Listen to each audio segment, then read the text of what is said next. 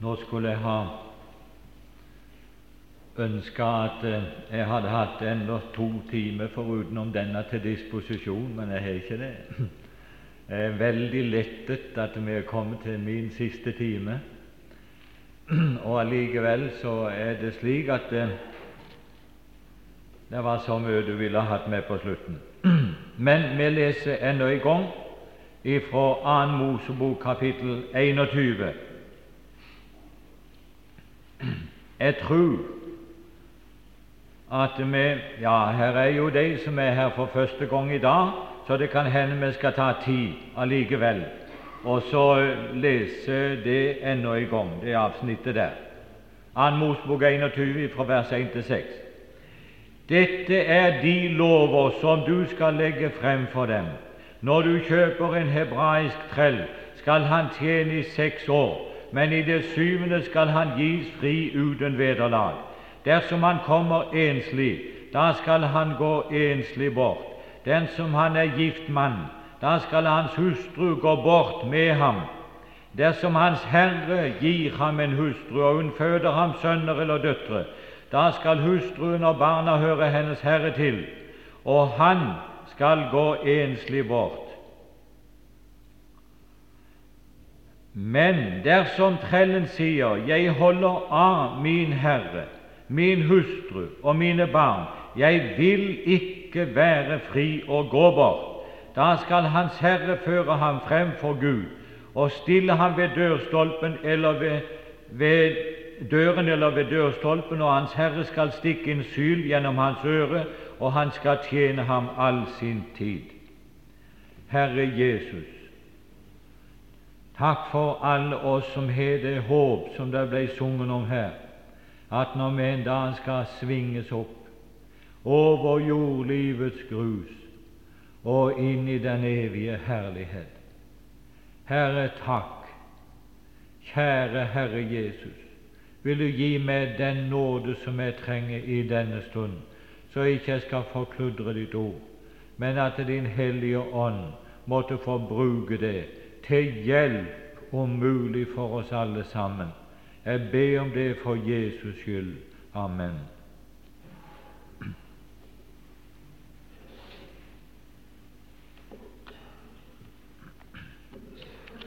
Vi har sett på at Jesus måtte bli menneske fordi at det var Guds mønster for mennesket, eller Guds ideal, og ingen andre hadde greid det. Mens han var her i verden som menneske, så ga Faderen han en hustru. Det vil si begynnelsen til hustruen fikk han oppleve mens han var i den legemlige skikkelse her i verden. Og dette forhold det ble slik at han kunne aldri skilles fra sin hustru, slik som det var talt om her. Og da måtte denne seremonien foregå, som vi hørte tale litt om i går, at han måtte føres opp til dommerhuset. Vi fikk ikke tid å tale noe om det, hva dommerhuset var. Jeg vet bare det at det er Gud sjøl som er høyeste rett. Og det er ingen andre enn Han som kan dømme rett når det gjelder denne saken angående dine og mine synder. Men det er godt å vite det, at Gud hadde ført opp på Golgata alle vitner som trengtes, og ikke bare det, men jødefolk og hedningefolk og den romerske hærmakt og alt var samla der på Golgata for å bivåne det veldige som skulle foregå der. Og der fikk verden, der fikk helvete, der fikk ondskapens ånde her i himmelrommet greie på at dine og mine synder er betalt. Så det var litt, det var litt av en seremoni som foregikk der. Og resultatet, hele, hele Guds kan du si, stadfestelse av dette, var et veldig mørke over hele landet. Det var klippene som revna, det var, jo, det var, det var gravene som ble åpna av de døde i Gud. kolossale ting som skjedde i forbindelse med dette, og som nesten aldri er skrevet om, verken av vitenskapen eller noen annen, uten gjennom Bibelen. Det er forunderlig. Men eh, vi må videre. Det var en som sa det jeg skal si du har fått oss ifra, ifra trellekort tronen, for det var jo det som emnet mitt lød på. Jeg er jo ikke kommet på tronen ennå, sa jeg. Det var ennå et par dager siden dette her.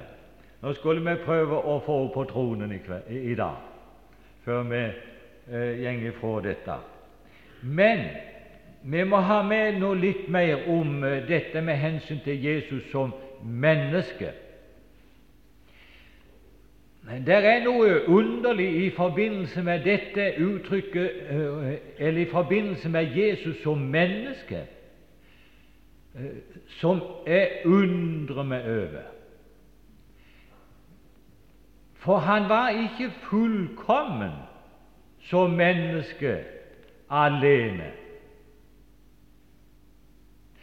Det er klart at som Gud ifra evighet av var han fullkommen. Men den skikkelsen der som han hadde fra evighet av, den forlot han for i det hele tatt å kunne få en hustru ifra denne verden. Så måtte han det. Og det er det vi leser om igjen, som vi har lest før fra Filippenserbrevet. Og vi skal slå det opp igjen, Filippenserbrevet 2, og, og, og, og se litt på det. Bare lite grann. Eh, det er nesten sånn i dag at en må mest bare lese opp den lille disposisjonen jeg har for å komme gjennom den. Han er ikke så lang. Men det heter slik la dette, vers 5 La dette sinn være i eder som òg var i Kristus Jesus. Han som da han var i Guds skikkelse, ikke aktet det for et råd å være Gud lik, men av seg selv ga avkall på det og tok en tjenerskikkelse på seg idet han kom i menneskers lignelse. Og da han i sin ferd var funnet som et menneske, fornedret han seg selv så han ble lydig inntil døden, ja, korsets død. Derfor har også Gud høyt opphøyd ham. Altså, han forlot den skikkelse som han hadde før, og blei et menneske. Det er bare antyda her i dette avsnittet i, Efsab, nei, i uh, an, uh, i an uh, Mosebok 21. Ja. Det er bare antyda. Når det sto det her at og han skal tjene ham all sin tid.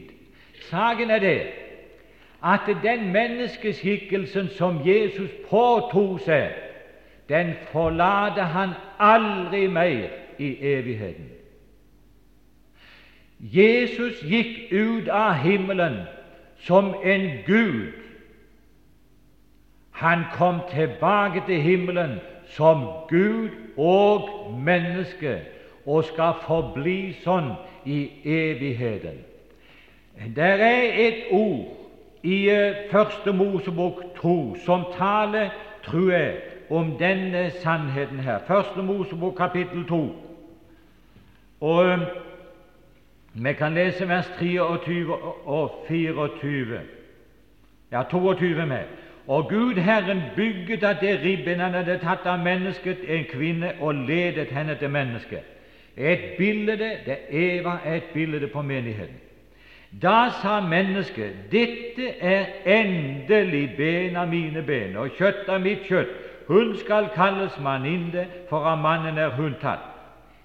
Så kommer det Derfor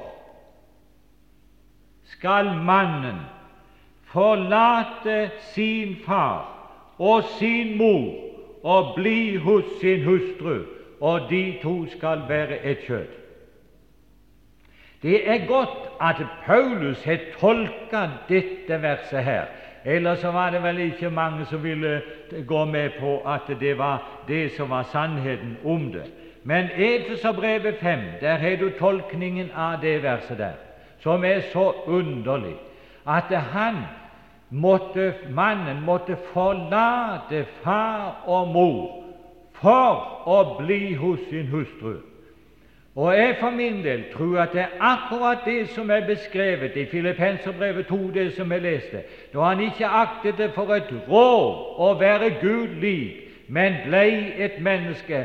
Han forlot den tidligere eh, væreform som han hadde, for å fortsette å være i evigheten i en annen form. Han kom aldri tilbake til den tidligere form. Og Det er underlig å tenke på, og det er forunderlig. Og nå skal vi lese om det. Vi kan lese Du burde ha lest hele det kapitlet, særlig den avslutningen av det kapitlet. Det er om forholdet mellom, mellom mann og hustru. Og så heter det slik Vi kan lese ifra vers 29, altså Efesene 5. Ingen har jo noensinne hatet sitt eget kjøtt, men han før og varmer det, like som Kristus gjør med menigheten. Det er altså hans eget kjøtt. Like som Kristus gjør med menigheten. For, sier han, vi er hans legemes lemmer. Derfor skal mannen forlate far og mor og holde seg til sin hustru, og de to skal være ett kjød. Der siterer han det ordet fra 1. Mosebok 2. Så sier han denne hemmelighet er stor, men jeg tenker hermed på Kristus og på menigheten.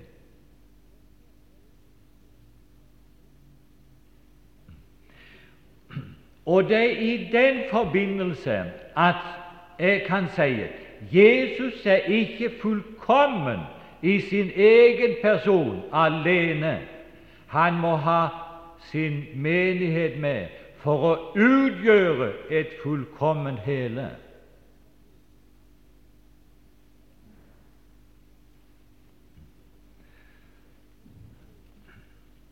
Og eh, et er tilbøyelig til å tro at det er noe av dette som gjør at når Jesus sto opp ifra grava, så sto han opp som et menneske. Vel var han et annet menneske enn han gikk i grava for så vidt, som at nå kunne han forvandle seg, kunne han sikkert ha gjort før òg, men det var ikke hans prinsipp. Men nå kunne han forvandle seg akkurat som han ville. Han kunne gå gjennom luktedøra, han kunne gå hvor han ville, være den han ville. Men fremdeles var han et menneske. Og det kan være godt Nå skal, jeg, nå skal du bare få det sånn som jeg noterte det i dag morges. Du skjønner, Jeg har ikke hatt dette som bibeltime før, så jeg må opp tidlig om morgenen og sette sammen dette her. Nå skal du få det akkurat sånn som jeg setter det sammen i dag, i, dag morges. Altså, han oppsto som menneske ifra de døde. Han viste seg for, sine, for det andre han viste seg for sine disipler i 40 dager som et menneske. Det tredje han for til himmelen som et menneske.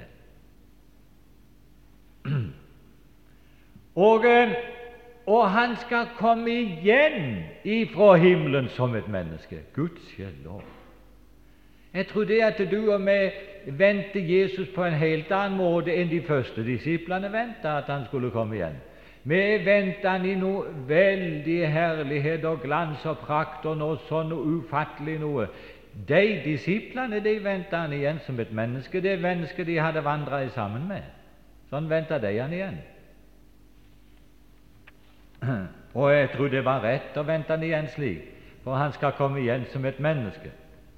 Men vel, han skal komme igjen som menneskesønnen. Da skal han åpenbares på Oljebjerget. Det er den andre hans, Hele det er hans komme. Det er egentlig ikke hans andre komme på slutten. For den første gang, når han kommer for å hente menigheten, så kommer han ikke til verden. Langt ifra. Derfor kommer Jesus igjen egentlig bare én gang, ja, iallfall når det gjelder denne verden, og det er til Oljebjerget. Når han skal hente menigheten, så kommer han ikke til jord, han kommer bare til lufthimmelen. Og så skal han eh, på en uforklarlig måte trekke sine opp der. Og der skal vi møte han som et menneske. Og ikke bare det, men hør, for det fjerde så lever han i himmelen som et menneske. Første Timotius 2,5. Og jeg må bare sitere det. Det er bare én Gud og én mellommann mellom Gud og mennesker, mennesket Kristus Jesus. Ja. Og, og vi, skal, vi behøver ikke å ta med mer enn det når det gjelder Jesus som menneske. Men så er det noen uttrykk som vi må, vi må ha med oss. Efeserne 5.31 her Ja, det var det som jeg leste i stad. Men det må vi ha fatt i igjen. Efeserne 5.31. Og Nå skal vi se bitte grann på dette med hensyn til eh, at han ikke er fullkommen før bruden er hjemme. Han sier ingen har jo noensinne hatet sitt eget kjønn, vers 29, men han fører og varmer det like som Kristus gjør med menigheten. For vi er hans legemes lemmer. Hans legemes lemmer. Derfor skal mannen forlate far og mor og holde seg til sin hustru. Hvorfor det? Fordi at de to må være ett for å bli et fullkomment hele. Det finner du igjen beskrevet i Efeserbrevet kapittel 1 og vers 23. Eh, det er det siste verset der i kapittel 1. Og jeg må bare lese fort. Og ja, Vi må lese vers 22, ser jeg, for sammenhengens skyld. Og han la alt under hans føtter og ga ham som hoved over alle ting til menigheten, som er hans legeme og så står det i vår bibel Men eh, Skatt Rørdam, jeg tror det er han, eller en av de andre danske, men, eh, men eh, han har altså den rette ifra grunnteksten, det rette uttrykket her. Det står 'som er hans legeme', så står det i vår 'fylt av ham som fyller alt i alle'. Det er vanskelig å få tak i selve sannheten eh, når vi leser det sånn som vi gjør i vår norske bibel. Men Skadrørdam, drøre hans Jeg tror det er han som sier det slik at eh, og ga ham som over alle ting til menigheten, som er hans legeme, hans fylde. Hans legeme er hans fylde. Ja.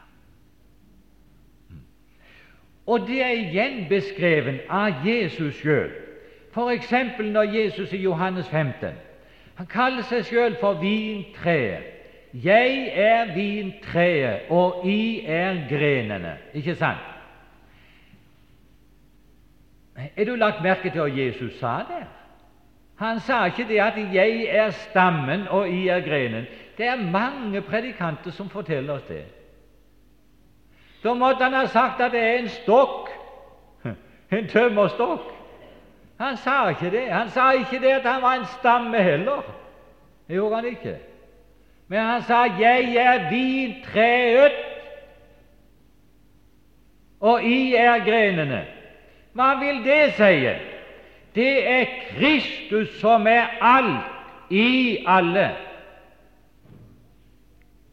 Som det også var talt om, jeg tror det var Arnold som nevnte det da, at 'jeg lever ikke lenger selv, men Kristus lever i meg'. Kristus er vintreet. Og hvis det nå Det har ikke jeg notert, men hvis jeg nå kunne ha funnet det i en fart eh, eh ifra Jeg tror det er første Korintier eh, Ja, første Korintier 12 og vers 12 skal du bare høre. Her er det sagt ganske tydelig, og da tror jeg ikke jeg skal eh, si så mye mer om det. For like som legeme er ett og har mange lemmer, men alle legemets lemmer, om de enn er mange, dog er ett legeme, således er det også med Kristus og menigheten. Ja, Det skulle vi tro at det hadde stått. Det er rart at ingen protesterer her. Hadde gamle Sandvann vært her, så hadde han sagt nei, Arne, det står ikke slik. Det hadde han gjort. Men nå er ikke han her. Jeg skulle tro at det hadde stått det, men det står ikke det. Her står det om de enn er mange, dog er ett legeme, således er det også med Kristus. Ja. Det er bare ett legeme, og det er Kristus. Han er hovedet. Det har jeg sagt mange andre plasser i Skriften. Men legemet, det er hans legeme. Således er det også med Kristus. Derfor påstår jeg det at Kristus er ikke fullkommen som menneske før han er forenet med bruden i evigheten. Sånn som han nå er forenet i Ånden, sånn skal han også bli forenet i legemet i evigheten. Da, og først da, er Guds verk fullkommen når det gjelder den saken. Og jeg tror at eh, vi må forlate det. Jeg hadde bare én ting til, men det eh, Ja, jeg kan nevne det. 1. Korintier 11,8. Det er bare en stadfestelse av 1. Korintia 11,8. En stadfestelse av dette her, her for vers 8 og 9 For mannen er ikke av kvinnen, men kvinnen er av mannen. Mannen ble jo heller ikke skapt for kvinnens skyld, men kvinnen for mannens skyld. Og Det er underlig å se litt lenger ut. Der står i vers 12 i det samme kapitlet. Det, men ut ifra det som jeg har sagt her, så forstår du det sikkert. For like som kvinnen er av mannen, så er også mannen ved kvinnen. Og hvis ikke det var ved kvinnen, så var hele Guds arbeid en fiasko. Men det er bare ved kvinnen at mannen er noe. Og det skal, dag, det skal også verden en dag få se. Så nærmer vi oss tronen. Og, og, og jeg tenkte på bryllupet i herligheten mellom disse to. Men det skal jeg si det og er vanskelig å finne. Bryllupet eh, mellom Jesus og bruden Jeg kan beint fram ikke finne det. Jeg vet ikke det. Eh, hadde vi hatt tid, så måtte vi ha, ha, ha spurt Aurebekk om han hadde funnet det. Men eh, nå skal du bare høre litt bitte grann når det gjelder det. I Åpenbaringen 1907 Åpenbaringen 1907 der er, der er det talt just om at lammets bryllup det nærmer seg. Det nærmer seg. Den stender der, vers 7 og 8. La oss glede og fryde oss og gi ham ære, for lammets bryllup er kommet, og hans brud har gjort seg rede. Og det er henne gitt å kle seg i rent og skinnende fint lin, for det fine lin er de rettferdiges hellige gjerninger. Og han sier til meg, skriv, salig er de som er innbudt i lammets bryllupsnadvær. Og han sier til meg, dette er Guds ord. Og jeg falt ned. Og så begynner det med noe helt annet. Og så forklarer han ikke mer om bryllupet. Ikke et ord finner jeg mer om dette bryllupet her. Vi vet bare det at bruden var gjort uh, rede, som det står her. Og, og, og, når du kommer ut i, i uh, kapittel 21, uh, så, så, finner du at, at da er bruden lammets hustru, vers 21, vers, kapittel 21, vers 9. Da er bruden altså lammets hustru. Da har bryllupet foregått en eller annen gang der, imellom vers 7 og 8 i kapittel 19 og så kapittel 21. Men hvor, når, det er ikke beskrevet. Men hør, jeg vil peke på en litt annen ting, uh, just når det gjelder dette her. Der står i Matteus 25 Vet du om de ti jomfruer som skulle gå ut for å møte brudgommen? Og hele den historien kjenner du. Og da var det sagt det at se, brudgommen kommer, gå ham i møte. Nå er tidspunktet kommet for bryllupet. Nå må brudejomfruene være ferdig. Og så gikk de opp for å gå han i møte og for å være brudejomfrue.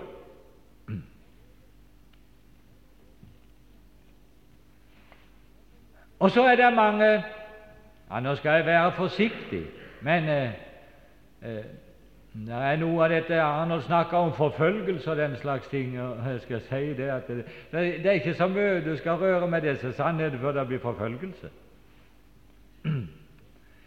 Men eh, jeg tror det er nokså sannsynlig, når jeg sier det nå på denne måten her, at eh, det bryllupet som det er talt om i Matteus 25, det er det som forberedes i Åpenbaringen kapittel 19, ikke sant? Lammets bryllup er kommet, og hans brud har gjort seg rede. Det skulle være nokså klart.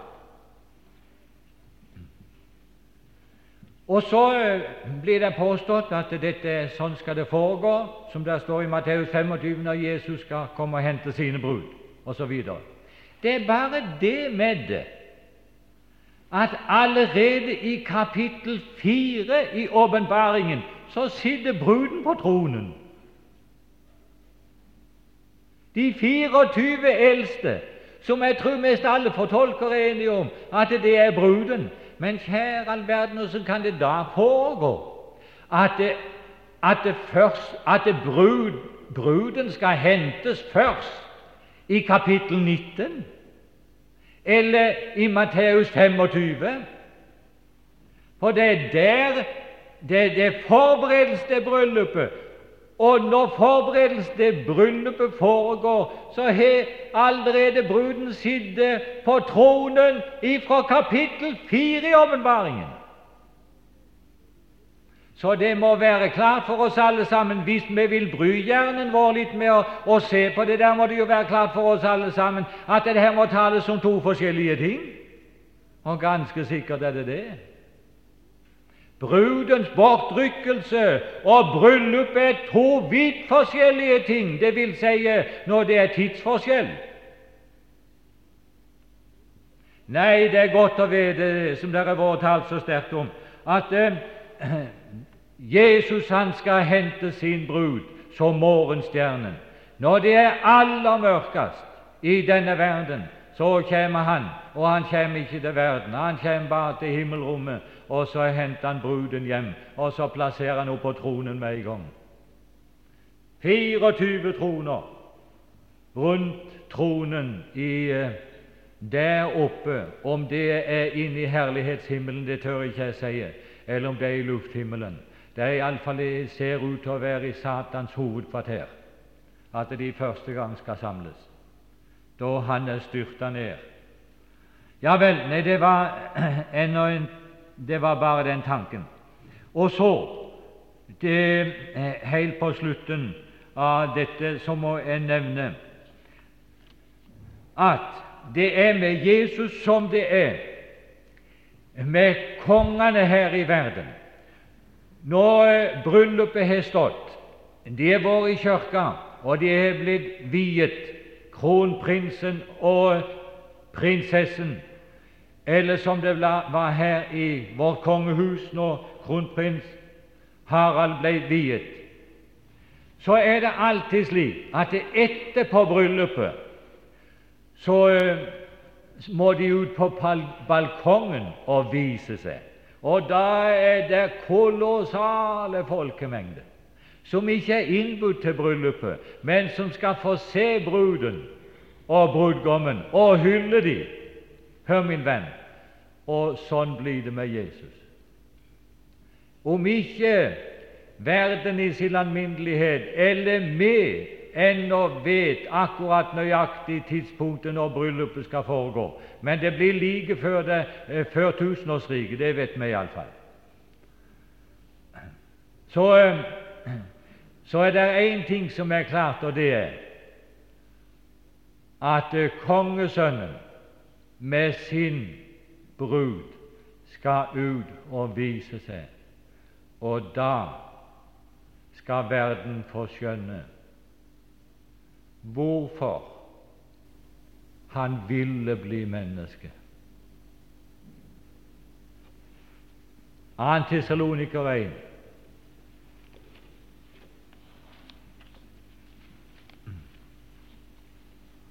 Antisaloniker 1 og vers 10.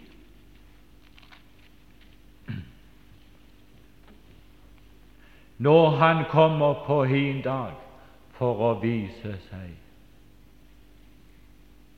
Hør, min venn, til dags dato har aldri Jesus vist seg i denne verden som den han virkelig er.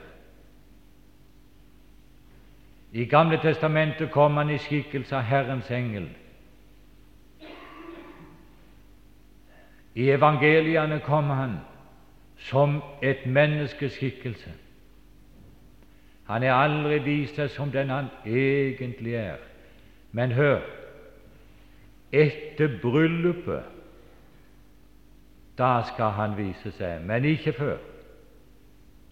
Men etter bryllupet. Da skal han vise seg som den han er.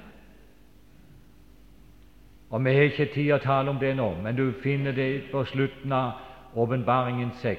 Også der vises det. Det er i åpenbaringen 19, mange andre steder.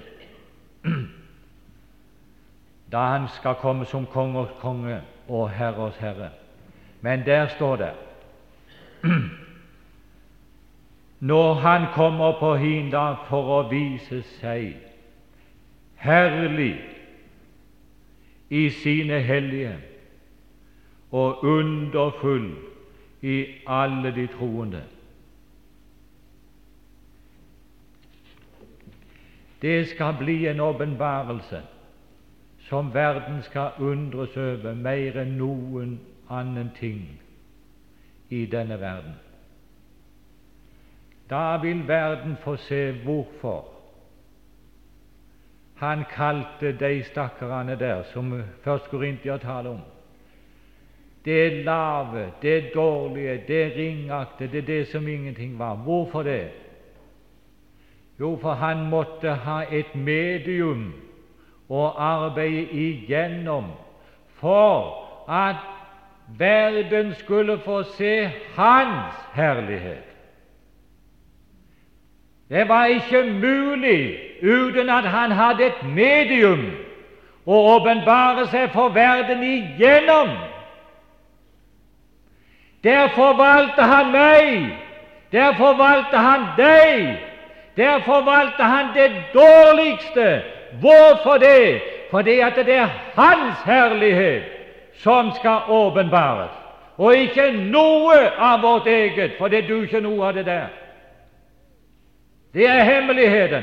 Derfor må han gjøre et menneske til intet før han kan begynne å bearbeide det mennesket, så hans herlighet kan åpenbares gjennom det mennesket.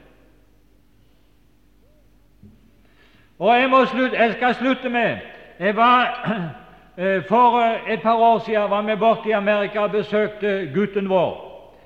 Og Vi reiste rundt og måtte se alt det som vi kunne få sett vet du, på en måneds tid. Og Vi var bl.a. nede i Washington, og der fikk jeg oppleve et par ting. og En av de tingene skal jeg eh, nå nevne. Det er noe som ga meg som ga meg et lite lys over dette her. her. Fra 2. Tessaloniker 1.10. Vi kom bl.a. inn i, en svær, eh, i et hus, og alt er jo så svært der borte i Amerika. Vi kom inn i et hus veldige, svære saler, og det var maleriutstilling, og jeg var jo særskilt interessert i det, som driver glatt maler litt sjøl. Det var vakt i hvert eneste rom, for du vet det var millionverdier i hvert eneste rom. Det var verdens kunst, alt dette her. Og her. Så kom jeg inn i en sal, og jeg gikk bort til en neger der og spurte om jeg fikk lov til å ta noen bilder. der. Ja, det kunne jeg ta, så mye bilder jeg ville. Så kom jeg inn i en sal, og på en stor vegg der der hang det et bilde. Et vidunderlig kunstverk. Og med det samme jeg fikk se det bildet, så visste jeg hvem som hadde malt det. Jeg behøvde aldri å gå hen og se på navnet, hvem som hadde malt det. Jeg visste det. Det så jeg på strøkene, at det var Claude Monet, denne verdensberømte impresjonismen, impresjonismens far, kan du vel nesten si. Hver en av verdens største kunstnere. Hvert eneste strøk, komposisjon, fargeharmoni, alt sammen, så forkynner det det er Monet. Da begynte jeg å forstå noe av Guds handlinger også med mitt liv igjennom verden. Det skal komme en dag når Han skal framstille menigheten ikke bare for seg, men Han skal vise menigheten for verden. Og hør! Og hele menigheten forteller om én mann kunstneren som sto bak. Behøver aldri å se på underskriften at det er han. Da vil hele verden forstå. Det er bare én som kan lage slike underverk. Gud i himmelen. Å, min venn, er det ikke underlig å tenke på en dag skal du, når du er avkledd alt dette gamle og alt det som vil kaste skygge over Guds verk, en dag skal du med ditt liv, med ditt vesen, med din væreform fortelle om én, og det er Han som elsket oss inn i døden, og som gjorde et mesterverk av sin menighet. Halleluja! Takk og lov. Og nå, min venn, hold deg fast i benken, for nå kommer det helt på slutten noe som du trenger, og du trenger det i det daglige liv. Og vet du hva det står i nettopp i det ordet som jeg leste? Når Han kommer på hin dag for å vise seg herlig i sine hellige, og hør, og underfull i alle de troende. Og for Det er vel det rikeste alle som finnes i Bibelen, iallfall i den forbindelse. I alle de troende. Da er også jeg med. Da er du med. Så sant du er et frelst menneske, om du er falt og sølt det til hele ditt liv og aldri fått det til, hør, min venn, der kommer en dag da verden skal beundre Gud gjennom deg. At han greide å få sånn et verk ut av slik et menneske. Hvem hadde tenkt det? Men det står her. Og det er den bruden, det er det mesterverket Gud en dag skal vise verden. Hver eneste en forteller om en mann en skikkelse. Det er kunstneren som står bak. Gud være lovet. Kjære Jesus, gi oss nåde til å se noe av dette når fristelsene kommer, når dagene blir mørke, når vi sliter kanskje alene disse, i disse mange kamper. Gi oss nåde til å se noe av det som venter bruden når vi er kommet hjem.